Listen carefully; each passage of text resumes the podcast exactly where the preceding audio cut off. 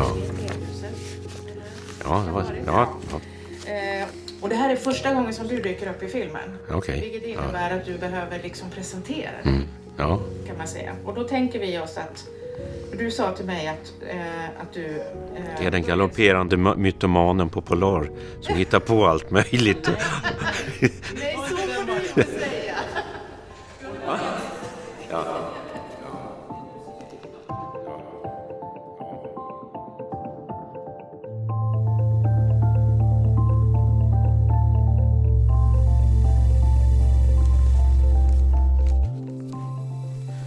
se hur... Vi ser hur allt det här funkar. De sladdar överallt. Hör du mig? Ja. Och jag har upptäckt att jag kommer att köra med bara en hörplugg i örat. Mm. Jag kör bara den ena för det, det, det känns konstigt när jag inte hör rösten ordentligt. Mm. Alright, um, då börjar du då. Jag börjar.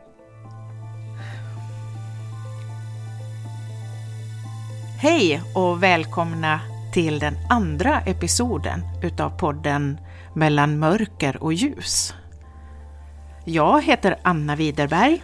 Och jag heter Fredrik Ydhag. Och det här är en podd som har mynnat ut ur ett fem år långt arbete med vår långfilmsdokumentär om Ted och Kenneth Gärestad. Vi har lyckats spela in så otroligt mycket material med intervjuer med massor med spännande människor. Och allt det här ryms ju inte i en långfilmsdokumentär som då blir ungefär två timmar. Och eh, det kändes ju väldigt viktigt att göra någonting bra utav allt det här materialet som vi inte kunde använda. Så det var ju då vi tänkte att ja, men varför inte starta en podd? Mm.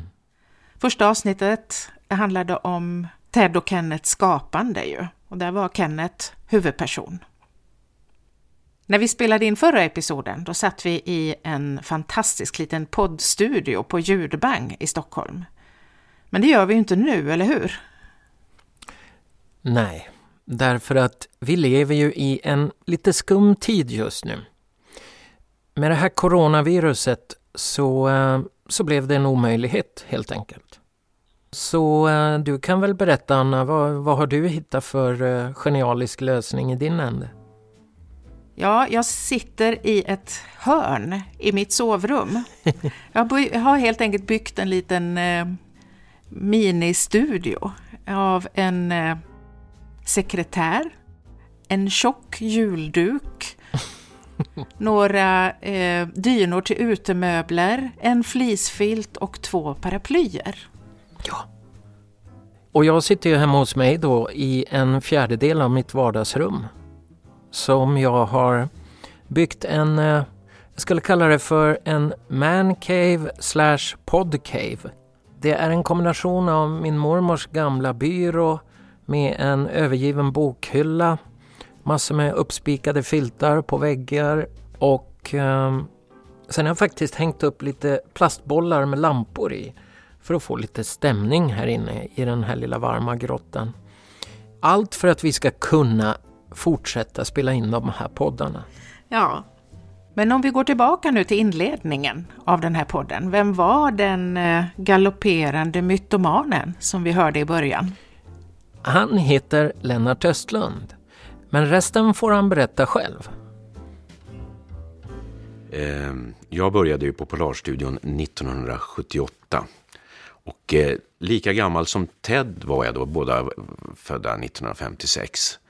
Eh, Ted rasade in en gång för första gången och satte sig vid skrivbordet och vi började prata direkt så att det var liksom ingen, inga problem att umgås med Ted eller göra någonting. Men då var jag inte tekniker till honom utan det var en, min chef Leif Mases på studion där då som spelade in Ted. Vi höll på med en, en eh, platta som heter I rather write a symphony som hade börjat här. Så småningom fick Leif Mases för mycket att göra och jag halkade in mer och Ted och jag fann varann i produktionen där så att vi, vi fortsatte att jobba tillsammans med det här.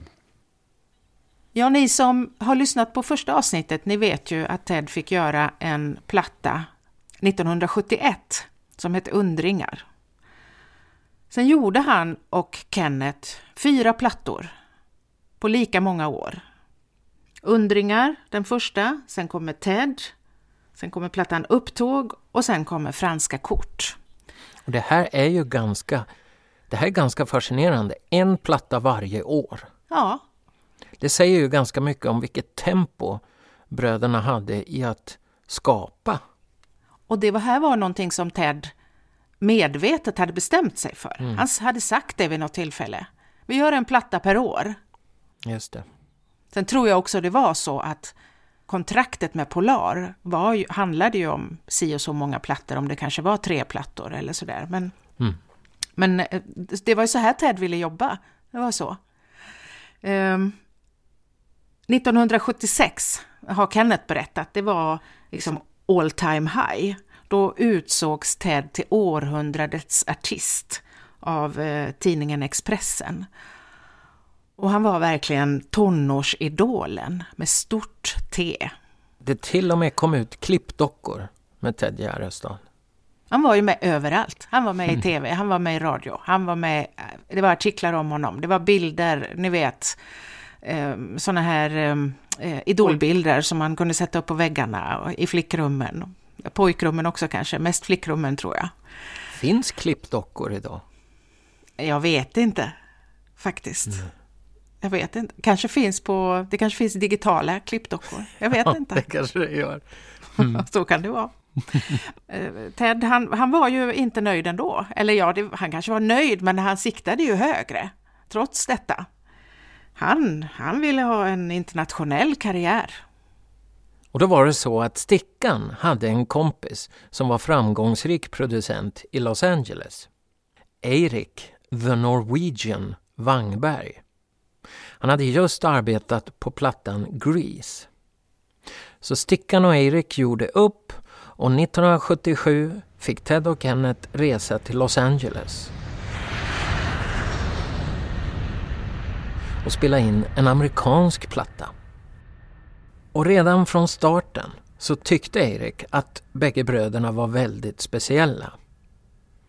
Och han insåg ganska så fort att det skulle bli en utmaning med att få ihop den här skivan.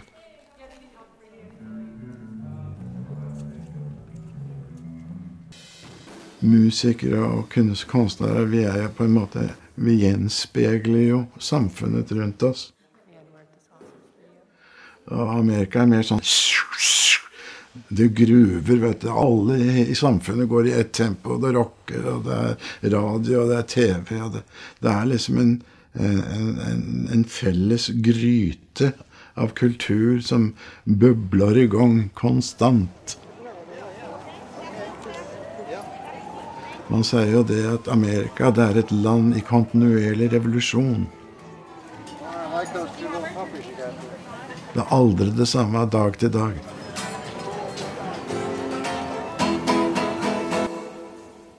Det gör att musiken också är väldigt sån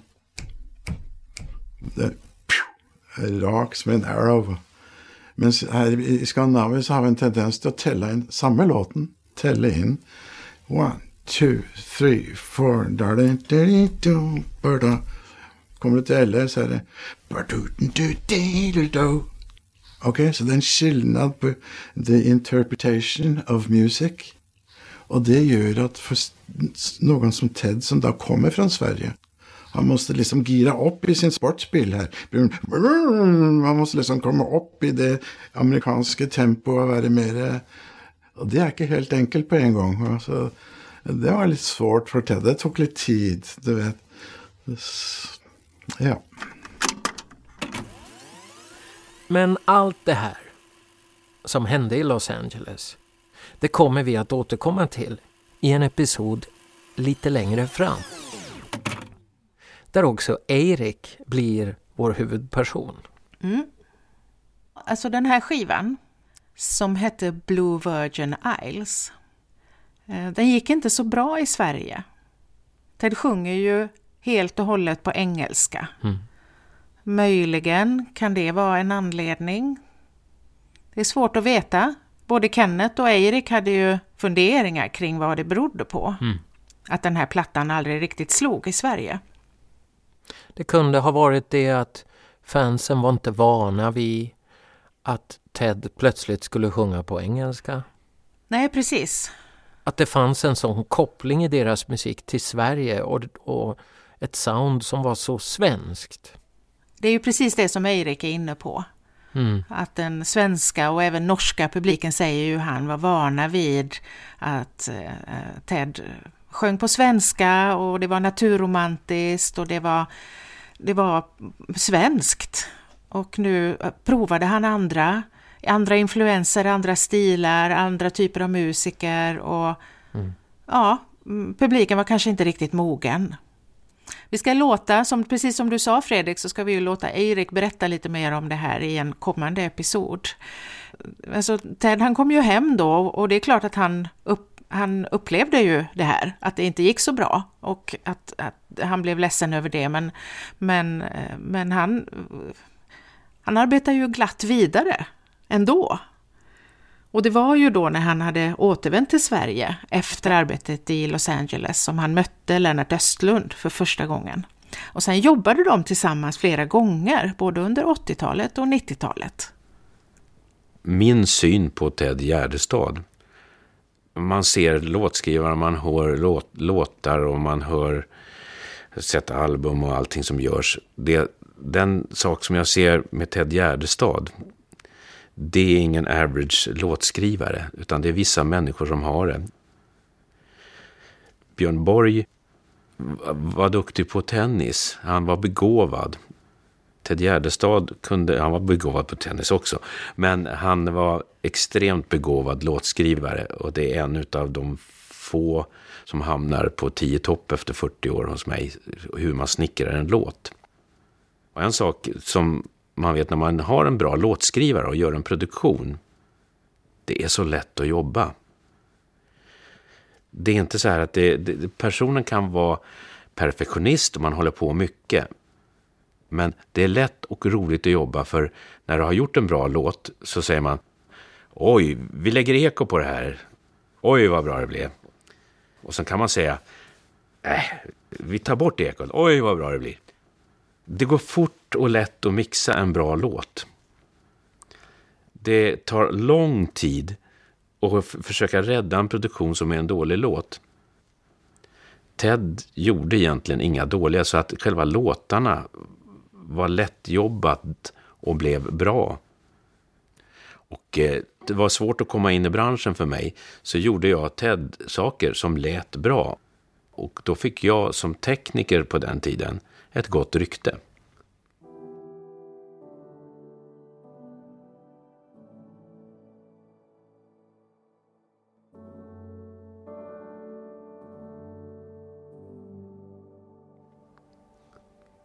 Och det där kanske man inte alltid vet, men Ted var riktigt begåvad.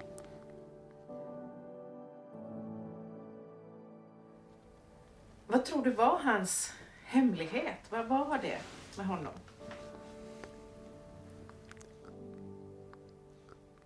Jag tror inte man kan, kan säga...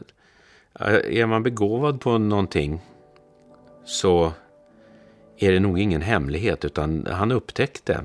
Men sen så tror jag att han var ju extremt intelligent. Och det han tog för sig, det blev han ju bäst på. Han var ju tvåa efter Borg och han skrev låtar och blev listetta och fortsatte att skriva bra låtar. Det är inte alla artister som kan fortsätta under så många år och komma tillbaka och skriva låtar som fortfarande är starka och blir hits.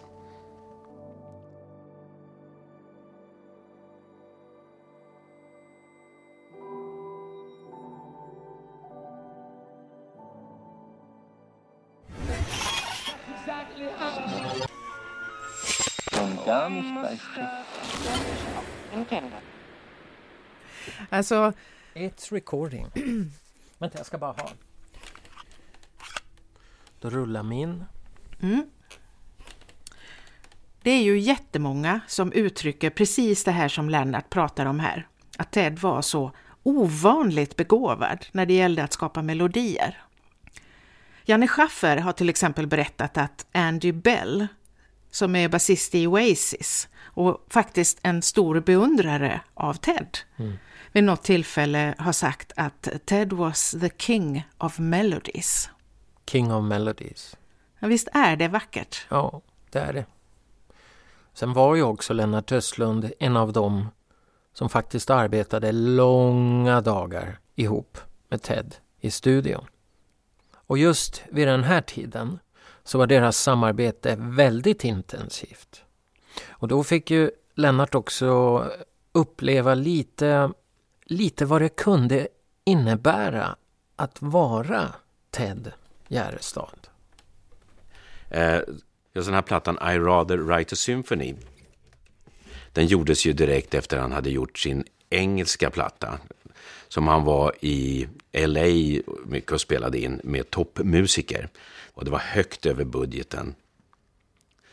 Men jag frågade honom så här. Fick du inte något pekfinger eller skäll för att ni har gjort den här plattan som kostar en miljon? Då ska man veta att på den tiden så var normalbudget 200 000, gick man upp till 250 000. Då blev det krismöte och ramaskri. Men den här plattan kostade en miljon. Den såldes sådär på den tiden, gjorde ingenting som det var. Då frågade jag, var det ingen som sa någonting?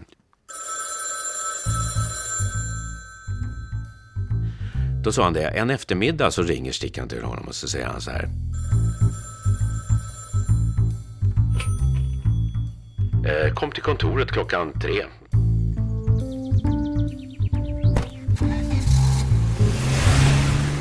Jag åkte dit, säger han.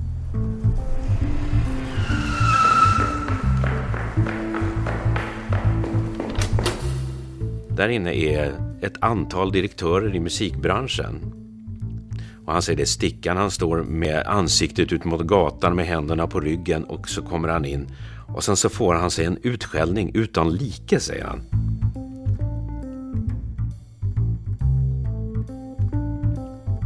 Han säger att det var så grov utskällning och så konstig, märklig situation med alla dessa människor omkring som hör när han får sin ut, utskällning. Så jag kunde inte ta det på allvar, sa han. Det var lite underligt att man då sen släppte lös Ted utan producent i Polarstudion och göra en engelsk platta till.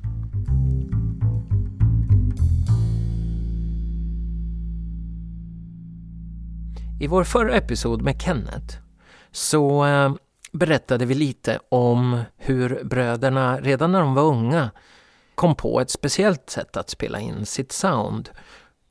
Och det var med hjälp av sin bandspelare som Ted kunde sjunga flera gånger. Och så kunde de lägga på så det blev nästan som om de hade körer. Och Lennart berättade lite om det i förra episoden och kallade det för Ted Ted. Och det här var lite speciellt. Ska vi inte låta eh, Lennart själv berätta det här istället? Ja, vi gör det. Det är lite komplicerat. Vi kliver in i studion. Året är 1978. För att vara tydlig vad som kan kosta pengar någonting som var nytt på den här tiden. Man hade 24 kanalsbandspelare, 24 kanaler man spelade in på. Och då spelade man in trummor på kanske åtta och sen så la man på saker. Ted, när man lyssnar på Ted så är det väldigt speciell röst och uttryck och mycket är när han dubbar sig själv. För när han sjung, sjunger odubbat så hör man, ja det där är Ted. Och sen kommer dubben så ja, då är det Ted, Ted. Man hör direkt det här karaktäristiska som är Ted Gärdestad. Vi tänkte vi ska ge ett exempel på hur det här går till, att få ett TED, TED Sound. Just det. Kan du sjunga någonting? Gulligullan koko som en gök Jag bjuder dig två rum med kök mm. Är det okej okay om jag gör en liten variation på det där? Gör en variation. Gulligullan koko som en gök jag bjuder dig två rum och kök. Yes. Ja, jag, tycker, jag tror att det blir bra. Så vad man gjorde sen då är att då lägger man ihop alla de här ovanpå varann. Och då låter det så här. Gulligullan koko som en gök Jag bjuder dig två rum och kök Snyggt ju! Ja, och det är det här Lennart menar med Ted Ted. Fast vi vet ju att det lät betydligt bättre än när jag gör det här. Här jobbar de på i studion, men då upptäcker Ted att de har just fått en helt ny maskin. Men då hade vi ju fått den här Synchronizer hette det. Då kunde man köra två stycken 24. Då hade man alltså 48 kanaler.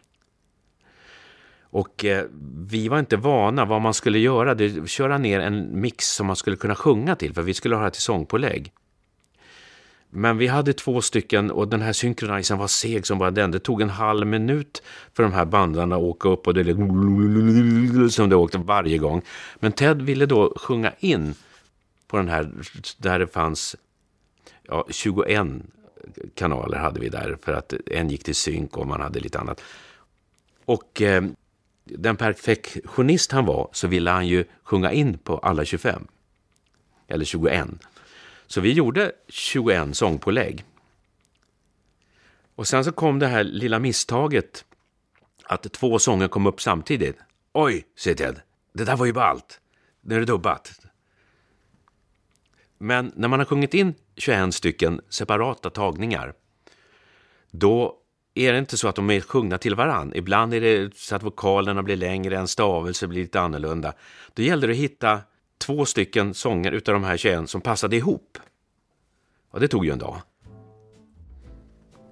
När vi hade hållit på en dag så utan misstag så fick vi ju tre röster på ett ställe.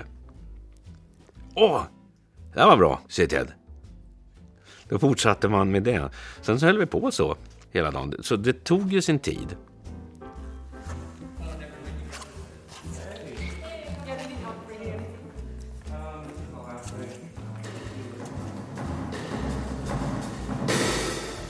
Det var ju så när ABBA skulle in i studion. Då fick man gå till en annan studio. Och nu skulle vi göra körer på en låt.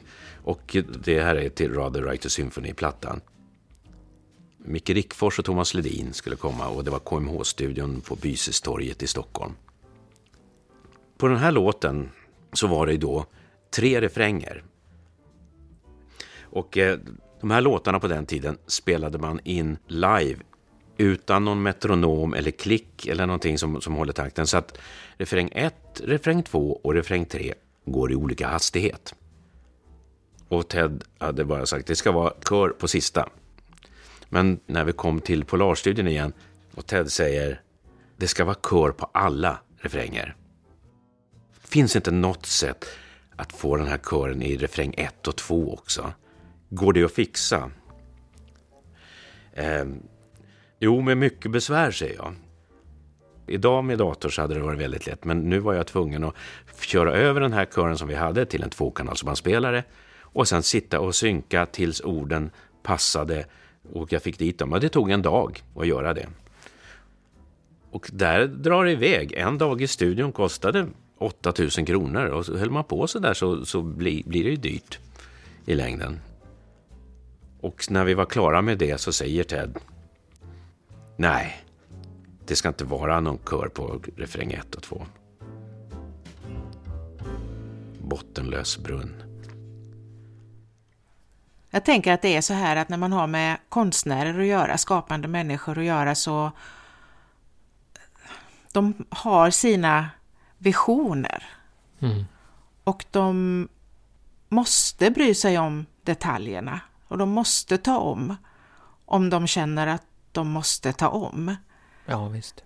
Jag vet inte om, de, om, jag vet inte om du kommer ihåg, men Janne Schaffer pratade ju om det här. Mm. Att även om det kan vara så i studion att det blir arbetsamt och jobbigt att ta om och om igen, så är det ju de artisterna som inte ger sig, de som petar och de som tar strid för sina grejer, det är ju de låtarna, de plattorna som sen lever vidare och blir odödliga, precis som, ja, som Ted och Kennets låtar faktiskt har blivit. Och grejen är att det ligger i det fin. Det ligger i finliret, i det här lilla petandet. Och för mig är det den musik som jag kan lyssna på om och om och om igen är ju därför att jag upplever det som att varje gång jag lyssnar så upptäcker jag något nytt.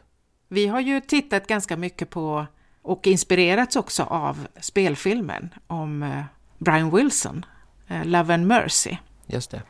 Det var ju också en artist som de runt omkring kanske inte alltid förstod vad han höll på med. Mm. Men resultatet blev ju fantastiskt. Ja, visst, och han stod på sig. Ja. Det, han lät det bara, all kritik, all irritation, han bara, jag vet vad jag vill, jag har en vision, jag ger mig inte förrän vi har försökt allt vi kan för att leverera den. Och det är säkert så i de flesta konstarter. Mm. Vet, du, vet du hur lång tid det tog för, för Tolkien att skriva trilogin Sagan om ringen? Han började på den 1937 och den publicerades 1954. Ja, hjälp. Det är 17 år. Ja, det är helt otroligt. Mm. Och han bråkade ständigt med sina förlag. Han hade flera förlag under den här perioden. Eh, därför att de ville ha en uppföljare på Bilbo. Mm. En barnbok. Och det blev det inte. Men 17 år. Ja. Saker som är värda att göra tar tid. Så kan det, så kan det vara, tänker jag. Ja, och det måste ju finnas en det måste ju finnas en drivkraft bakom de här grejerna. Oftast är det en person som, som har en stark vision och som vägrar släppa taget. Men det låter ju som att med Ted så var det exceptionellt jobbigt. Men det var det inte. Ibland kan folk uppfatta att Ted var jobbig att jobba med, men han var inte jobbigare än någon annan det, det fanns perfektionism. Står man där så vill man prestera och man vill alltid att det ska bli, ska bli bättre. Däremot kunde Ted vara som perfektionist att även när en platta var klar så ville han sjunga om bara för att det skulle finnas en rätt insjungning på tejpen.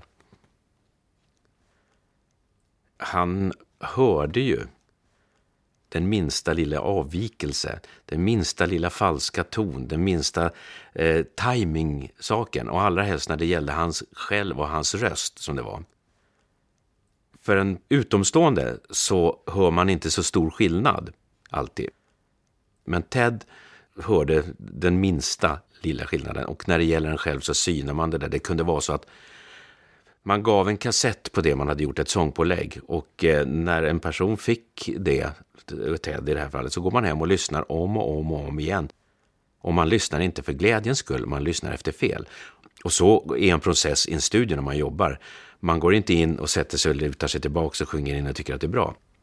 Från början till slut så letar man fel och vill att det ska bli bättre. Ted hörde ju fel hela tiden. Och fanns det ingen producent som sa nej, det här är bra, som han litade på, så kunde man ju sitta hur länge som helst. Och för att få förtroende för någon, om som säger hör du inte att det där är falskt? Jo, det gör jag. Skulle man säga nej, det gör jag inte, då skulle man ju inte ha förtroende för den här personen och då skulle man inte jobba tillsammans. Så att till en början där så var det en process som blev ganska långdragen. Därför att eh, man vill ju lyssna på upphovsmannen. Det tycker jag med all respekt lyssnar man på upphovsmannen. Och hör han fel så måste jag ju beakta det. Sen sa man inte uttalat så här, Lennart du är producent på det här. Nu producerade vi några låtar som vi gjorde där. Och då är det väldigt svårt att säga att nej, nu får det vara nog. För Ted som upphovsman var ju lika mycket producent när vi satt, tycker jag, när vi jobbade med det här. Mm, det låter ju som att man släppte Ted lite vind för våg här. Och det finns ju som sagt en slags eh, ja, en offentlig berättelse om att Ted var lite petig och besvärlig i studion. Fast det håller ju inte Lennart med om. Som vi förstår det så menar han att det är inte så lätt för en konstnär som Ted när det inte riktigt fanns någon som höll i ramarna. Och det här gjorde då att det drog ut på tiden och blev dyrt. Ja, eftersom det inte är planerings... Om jag som producent hade fått uppdraget att säga det här är budgeten, det här är tiden, det här ska vara klart på. Då är det så och då vet man när man ska säga stopp. Men när det vind för våg inte finns de restriktionerna så drar det ju naturligtvis iväg. Och jag tror också att en anledning till att man kan släppa Ted Gärdestad till att hålla på för mycket, för han var ett geni. Björn och Benny, när de skrev var genier, de hade inga bromsar på budgetar, men, men de stannade. Visst, det här är det klart, för de var två stycken. Ted var ju själv, för Kenneth var ju aldrig med i studion. Utan det var Ted som, som var, när är du nöjd eller inte? Och finns det inte någon budget, då blir det lite dyrare, för då tar det lite längre tid. Men så katastrofalt dyrt var inte de här plattorna. Under den här tiden som vi har arbetat med filmen så har vi ju mött då både musiker och ja, studiotekniker och vi har gjort mängder med researchintervjuer och sådär och, och någonting som vi har förstått och som vi inte hade en aning om, eller hur Fredrik? Du, varken du eller jag. Mm. Det var ju att, att när man spelar in en platta eller en låt så är inte artisten där från början. Precis. Alltså, artisten kan ju vara där förstås och vara med i själva arbetet, men man spelar först in bakgrunderna, man spelar in musiken. Mm. Så kan artisten vara med kanske och lägga stödsång eller så. Precis, du spelar in trummor, gitarrer, stråkar, piano, vad det nu kan vara. Ja. Du bygger ihop hela låtens, äh, musiken i hela låten först. Precis. Och själva sången är det som det, det, spelar man in allra sist, när allting annat är färdigt. Och det visste ju inte vi. Nej, därför att man ser, man har sett i så många filmer hur artisten kommer in, där är en hel orkester och så sjunger de tillsammans. Precis. Och det här gör ju då att när artisten väl ska komma in och spela in sin sång så blir det en ganska pressande situation. För då ska det bli bra. Mm. Och, det här, och det här är ju någonting som vi har förstått att artister hanterar väldigt olika. Ja, och filmkompositören John Barry, som är en av mina favoritkompositörer, han berättade hur de skulle spela in Bondlåten till You Only Live Twice. Då skulle Nancy Sinatra komma in och sjunga. All musik var klart och hon var så nervös så det krävdes över 20 tagningar för att få ihop sången. För hennes röst höll inte så länge. Mm. Och det här var alltså 20 tagningar som man fick klippa små ord och fraser och bitar här och där och klistra ihop. Och sen så skulle de göra låten till Bondfilmen Thunderball. Då kommer Tom Jones in. Och John Barry sa en tagning. Och sen satt det. Det behövdes inte tas något mer. Precis. Och eftersom Lennart Östlund har jobbat så många år i studio så bad vi honom berätta lite grann om det här. När jag började på studion så undrade jag varför alla de som jag spelade in var förkylda eller var på väg att få förkylda. Det är en utväg, en ursäkt till att man kanske inte levererar. Man måste se också på den tiden när det fanns ekonomi. Ett album sålde. Sålde ett album bra, då fanns det ju pengar till att göra ett nytt album. Vilket gjorde att du hade tid. Normalt så var en produktion på den här tiden fyra till sex veckor tar det att spela in ett album. Och eh, man la lite mer energi på singen för att det var, det var viktigare och där sparade man inte på krutet om det gällde ekonomi. Men har du sex veckor på dig, då vet du att du kan stå och sjunga om och om igen. Som det blev senare så krympte budgeterna och därmed tiden. Och då ändrades det, då höll man inte på så mycket. Men vet du att du står där att nu ska du sjunga, nu ska du leverera, nu ska det här bli bra och det inte finns någon tidspress egentligen, då blir man en perfektionist. Har man inte tid att vara det eller får inte göra någon platta på grund av att det måste vara klart på två veckor, då har du inte tid att vara perfektionist. Mm. Kan du beskriva uh, hur, alltså, hur var Ted när han stod och sjöng? Hur var han? Han höll inte på så länge med själva sången. Han eh, samlade sig, vilket man gör. Och sen så var det viktigt med lyssningen. Att ignorera hurdan lyssningen är för den som, som jobbar, det, det känns det fel. Så att hör han sig bra och är, är nöjd och lugn, då kan man sjunga bra också. Så därför lyssnar man helt. Nu hade vi ju hörlursmixar så man kunde sätta sin egen blend starkare eller svagare i rösten där. Men han gick ut, satte på sig lurarna, sen sjöng han några gånger, sen gick man in och sen lyssnade man. Och så sa man, nej, refrängen har vi inte, det där ordet är inte bra. Sen gick man in och sen spelade man in i en vers kanske fem, sex gånger och säger man, nu har vi den. Sångpåläggen var väl inte det som han tyckte var roligast. Men eh, det finns egentligen ingenting speciellt med Ted. Han var som alla andra när han gick in och sjöng.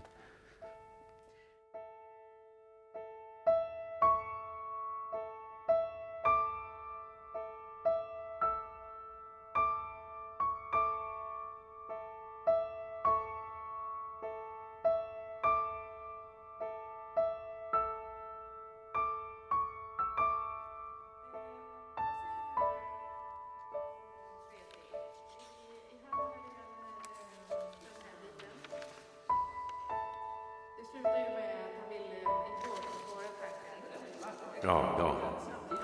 ja. Och det är lättare att säga när det är klart om man har en budget. Självklart. Ett klart direktiv till hur länge man får hålla på. Samtidigt som Ted var väldigt duktig på att charma.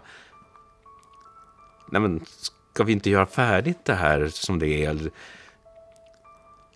Kan vi inte göra det? Vi, vi, vi jobbar färdigt med det här. Liksom, så kunde han ju vara. För att han ville att det skulle bli bra. Så här brukar det vara också, att man är så slut efter en arbetsdag, så det man gör sist är det stor risk att när man kommer på morgonen hör man att det här var inte så bra. Vi gör om det bara och man tror att det ska gå på fem minuter. Två timmar senare så håller man på med samma fras om och om igen. Och man blir expert på ett litet område. Om en låt är fyra minuter lång så kan det vara ett ställe i låten, i sticket, där man inte riktigt är nöjd. Och det där stället hör man om och om och om och om igen. Aldrig som en hel lyssnare hör på en låt. Och man lär sig det där och då blir man en perfektionist på det där området. Och när man berättar för någon, ja, ty tycker det är okej? Okay? Eh, ja, låten är fantastisk, säger de. Allting är bra. Men hör du inte mm, sticket där? Ja, sticket där? Jo, men det var väl bra? Så tänker man inte mer, mer på det. Men när man sitter i processen så är det väldigt lätt att man blir fokuserad på en detalj. Och då kan man sitta hur länge som helst. Mm. Var det svårt att stå emot honom? När han hade bestämt sig så kände man sig ju taskig om man gick emot, så då gjorde man inte det. Man var räddad av när dagpasset var slut och sa att jag måste hem nu.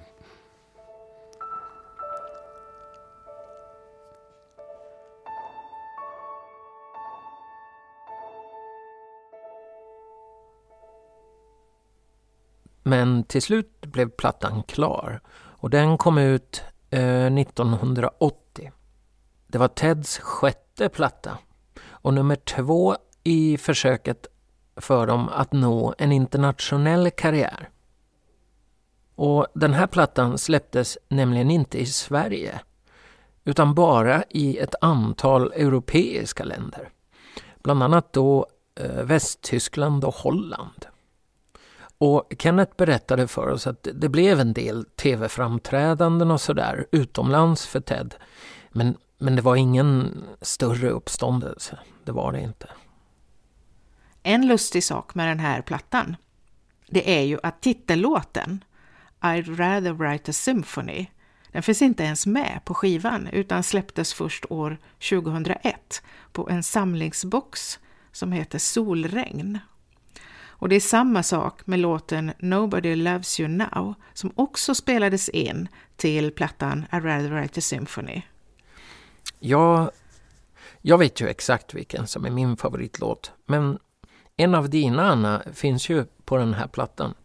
Ja, och jag tycker ju verkligen att det är synd att den här plattan har fått så lite uppmärksamhet och att så få människor mm. som känner till det. Jag hoppas verkligen att ni som lyssnar eh, går till eh, de ställen där ni brukar lyssna på musik och, och letar.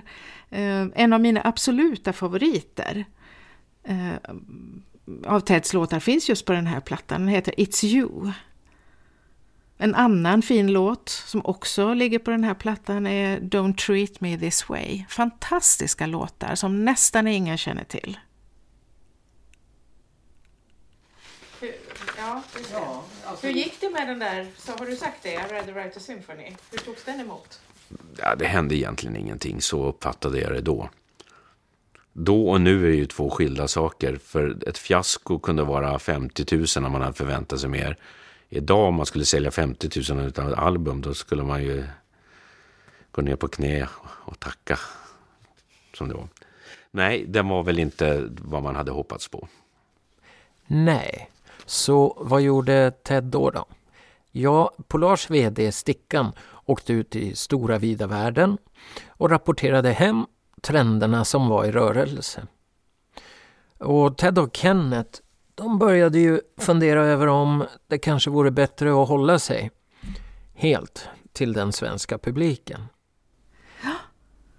Och nu har vi två små grejer här som vi behöver förklara innan vi släpper in Lennart. Mm. Midem, det är en stor musikmässa som arrangeras i Cannes varje år på försommaren och den har funnits sedan 1967. Yes. Och att gata.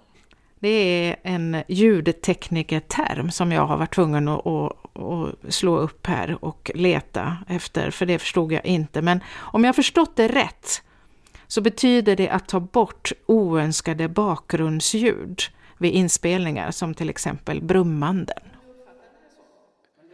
Ja, det var ju så här, alla svenska artister som skrev på svenska ville ju med sin förebild och i samma bolag gå Abbas väg.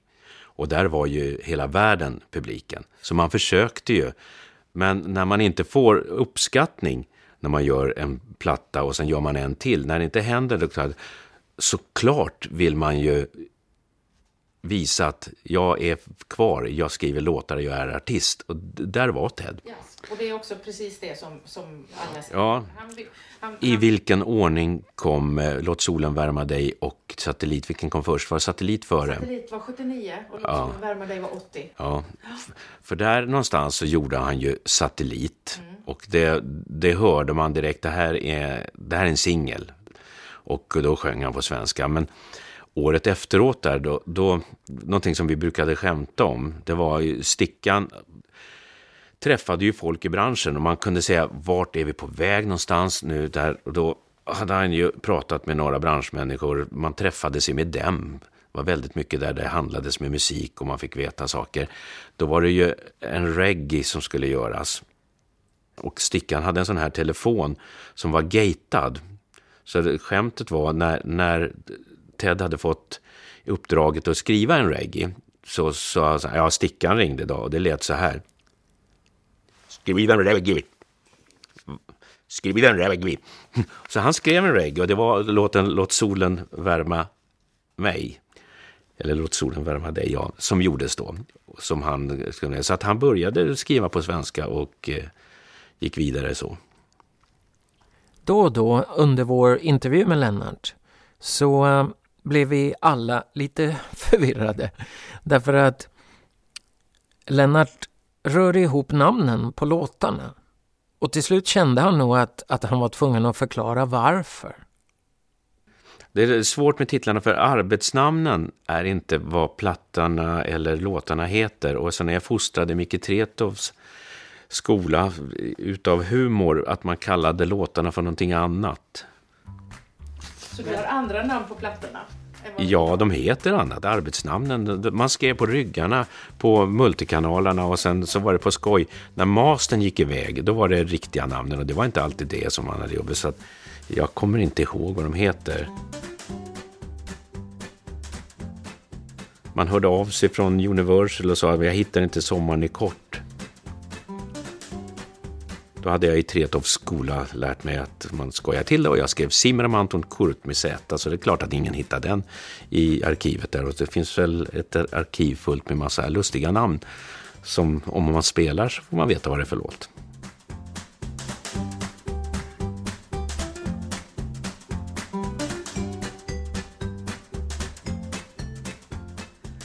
Det är ju verkligen en ynnest att få möjlighet att grotta ner sig i en bransch som man överhuvudtaget inte vet någonting om, som vi har fått göra nu eh, när vi har arbetat med den här filmen. Ja, för vi var ju verkligen inte insatta i musikindustrin när vi började. Absolut inte. Uh, Nej, inte mer än som vanliga uh, musikkonsumenter. Så vi har ju fått lära oss massor uh, allt eftersom tiden har gått. Mm. Och musiker och studiotekniker och andra de har eh, förklarat för oss hur det går till och vad som, vad som händer och, i vilken ordning och så vidare. Och ju fler vi har lyssnat på, desto mer har vi ju då också insett att ja, eh, det är också olika. Det är olika, olika artister gör olika, olika skivbolag gör olika. Mm. Och, och jag tror att i Teds fall så tror jag att det var så att han var så oerhört delaktig i arbetet i studion. Det, det är ju mm. jättemånga som har pratat om det, att han var liksom med från början till slut hela tiden. Och jag vet att Björn Ulvaeus och Benny Andersson som var producenter på Teds första plattor berättar i en jättetidig intervju just om det. De säger att ja, med Ted som är så engagerad så är det nästan som att han producerar sig själv. Jag tror att de menar just det här att han Ja, men att han var så engagerad och att så delaktig. Så det här har ju varit det här har ju varit en utmaning för oss verkligen att förstå. Ja. Och varje gång som vi har tyckt att ja, men nu förstår vi, så har vi fått smäll på fingrarna. Nej, så gick det inte till. Nej, det var inte så. Ja, och så där har det ju så där har det varit. Hela tiden. Och den som vi kanske pratade om det här mest med, det var ju Lennart Östlund. Och när vi hade suttit bra länge med honom i den intervjun så, så tyckte vi ju att, att nu, så, nu, nu, hade vi, nu hade vi koll på läget. Och då var det alltså så att nästa platta som Lennart och Ted skulle göra tillsammans, att äntligen så var det Lennart Östlund som nu blev plattans producent. Eh, riktigt så var det ju inte, men så här var det ju att eh, Ted ville nu fortsätta att spela in och eftersom Ted och jag hade funnit varann så var det bara naturligt att när man hade låtarna så gick vi in i studion och såg till att det här blev gjort. Vilket vi gjorde.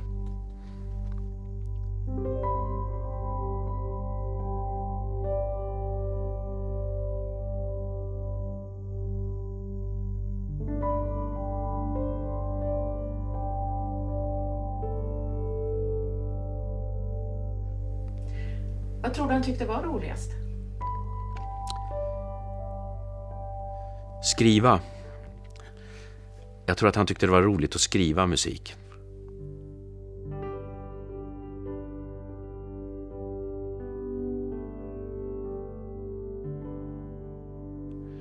När vi var klara en dag i studion då sa han alltid, när du plockar undan kan inte du sätta upp en mikrofon vid flygen och sen lite effekt på det? Vi har en låt på gång.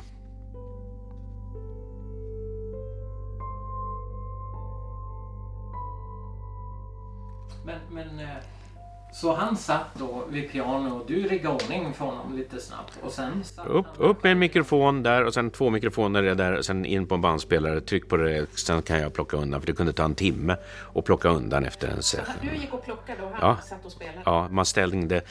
Det var ett stort eh, rum med blå tavlor som, var, som vi kallade för stenrummet. Där stod flygen.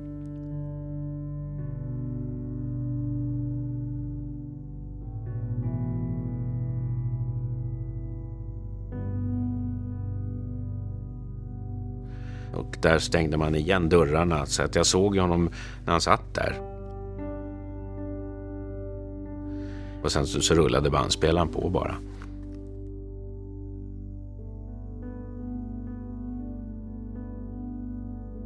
Så jag tror att själva den biten tyckte han var kul. Komponerandet.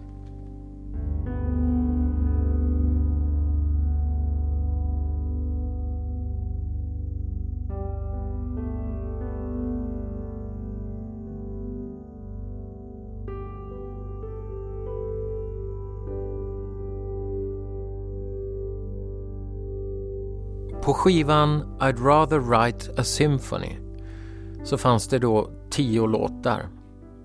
Och då blev det så att nio av dem fick följa med över och ingå i nästa platta, Stormvarning. Sju av de här låtarna var fortfarande på engelska. Men man gjorde nyinspelningar av vissa av dem. Två stycken av dem fick ny svensk text av Kenneth. Let the sun shine through blev Låt solen värma dig. Och Mindblower blev Stormvarning. Men sen tillkom också tre svenska låtar. Låt kärleken slå rot, Ingen annan än du och sen då den lite skumma låten Orättvisan. Ja, det är ju en jätterolig låt. Det är helt enkelt en drift med proggrörelsen som ju eh, gick ganska hårt åt Ted eh, under 70-talet. Orättvisan. En slags satir, va? kan man mm. säga. Som han gjorde, med, han gjorde den tillsammans med, med Micke Tretov. Och han sjunger på bred skånska, Ted. Det går nästan inte att, att fatta att det är han. Lyssnar man igenom den här skivan och så dyker den här låten upp. Jag minns första gången jag lyssnade så tänkte jag, men vad har den här låten på den här plattan att göra? Därför att den, den avviker så totalt från allt annat. Ja, det är, ver verkligen, verkligen. Mm. Men Anna, vad var historien om låten Låt solen värma dig och Annika Boller? Jo, men det var ju så att eh, det blev den låten som Ted eh, tävlade i Melodifestivalen med 1980 tillsammans med Annika Boller. Mm. Och då var de två också ett par och som bodde tillsammans. Och Kenneth har ju skrivit en bok som heter Jag vill ha en egen måne som kom ut bara något eller kanske två år efter att, att, eh, att Ted hade gått bort. Och där är Annika Boller intervjuad och där så, så berättar hon då om den här det här framträdandet i Melodifestivalen 1980.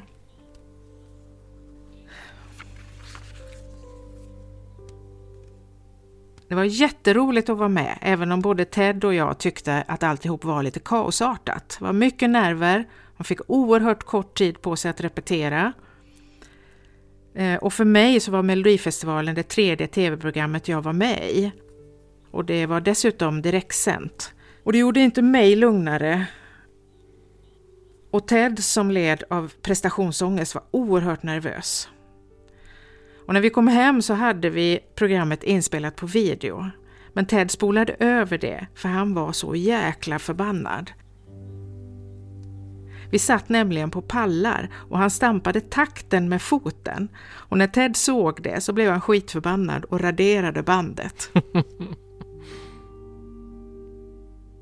Men det finns ju också en helt instrumental låt som heter Slingan. Ja, den skrev Ted till Janne Schaffer och Björn Jason Lind som också jobbade mycket ihop med Ted. Ehm, och när Janne Schaffer kom till oss i studion då så berättade han att Ted skrev det där stycket liksom för att sätta honom och Björn Jason Lind på pottan och testa dem.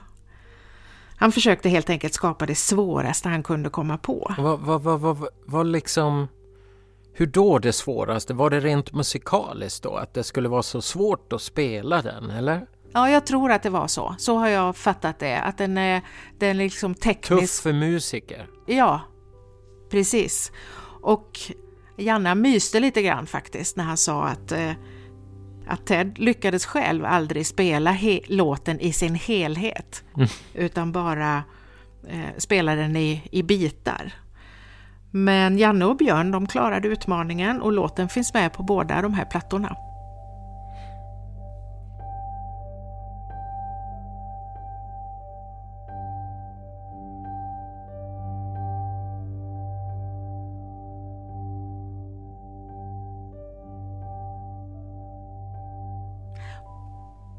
Nu har jag pratat jättemycket om låtar som är mina favoriter och nu måste jag göra det igen. Därför att Låt kärleken slå rot är en fantastisk, fantastisk låt. Och eh, Kenneth berättade om hur det gick till när han skrev den texten. Han skriver så här.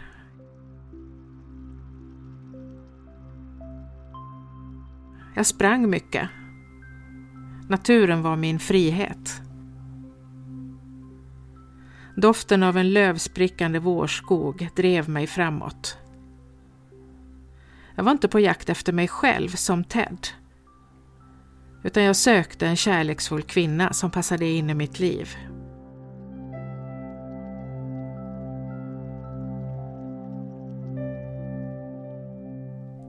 En av dessa dagar sprang jag mig trött runt Rösjön. Utmattad och med hängande huvud använde jag mina sista krafter till att slänga upp en näve maskrosfrön samtidigt som jag sa till mig själv Låt kärleken slå rot.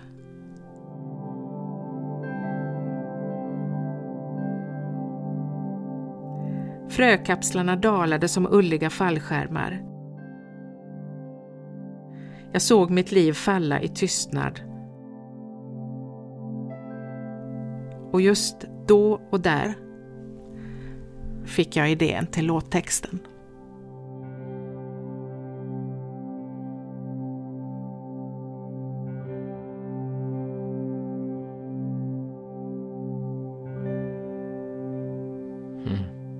Jag tycker också att det är, är roligt med de här plattorna som, som är så okända.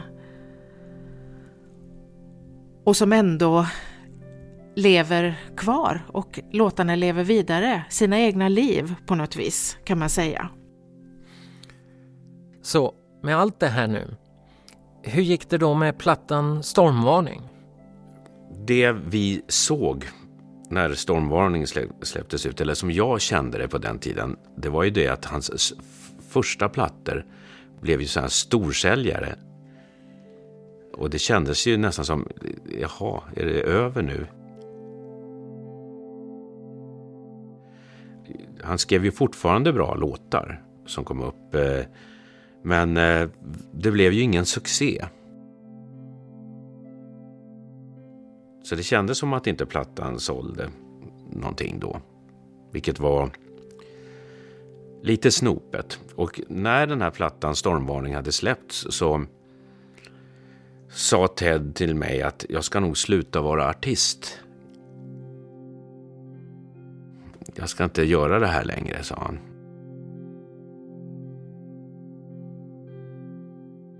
Jag tror att han kände likadant som mig att eh, han var inte störst längre. För han var en gång i tiden störst och alla pratade om det. Så kommer de här plattorna och var inte så intressant längre. Så tror jag han kände och jag också. Att eh, ja, storhetstiden är över. En sanning med modifikation kan man ju säga.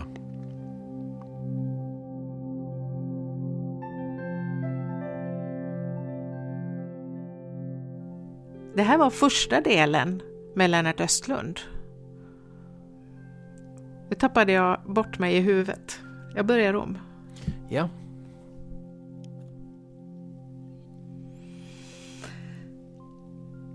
Det här var första delen med Lennart Östlund. Och vi kommer... Det var hemskt vad det var trassligt. Du bara, jag måste ha en kopp te. Nej, jag tror jag har lite feber. jag har ingen feber. Nej.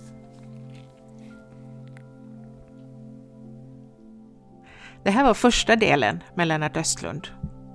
Och han kommer att komma tillbaka med en del två lite längre fram. Och vi hoppas att det blir en nästa gång i dessa lite obehagliga virustider. Så här avslutar vi dagens episod och vi hoppas att ni, vi och alla andra får hålla oss friska och välmående. så ses vi nästa gång. En, två, tre. Hej då!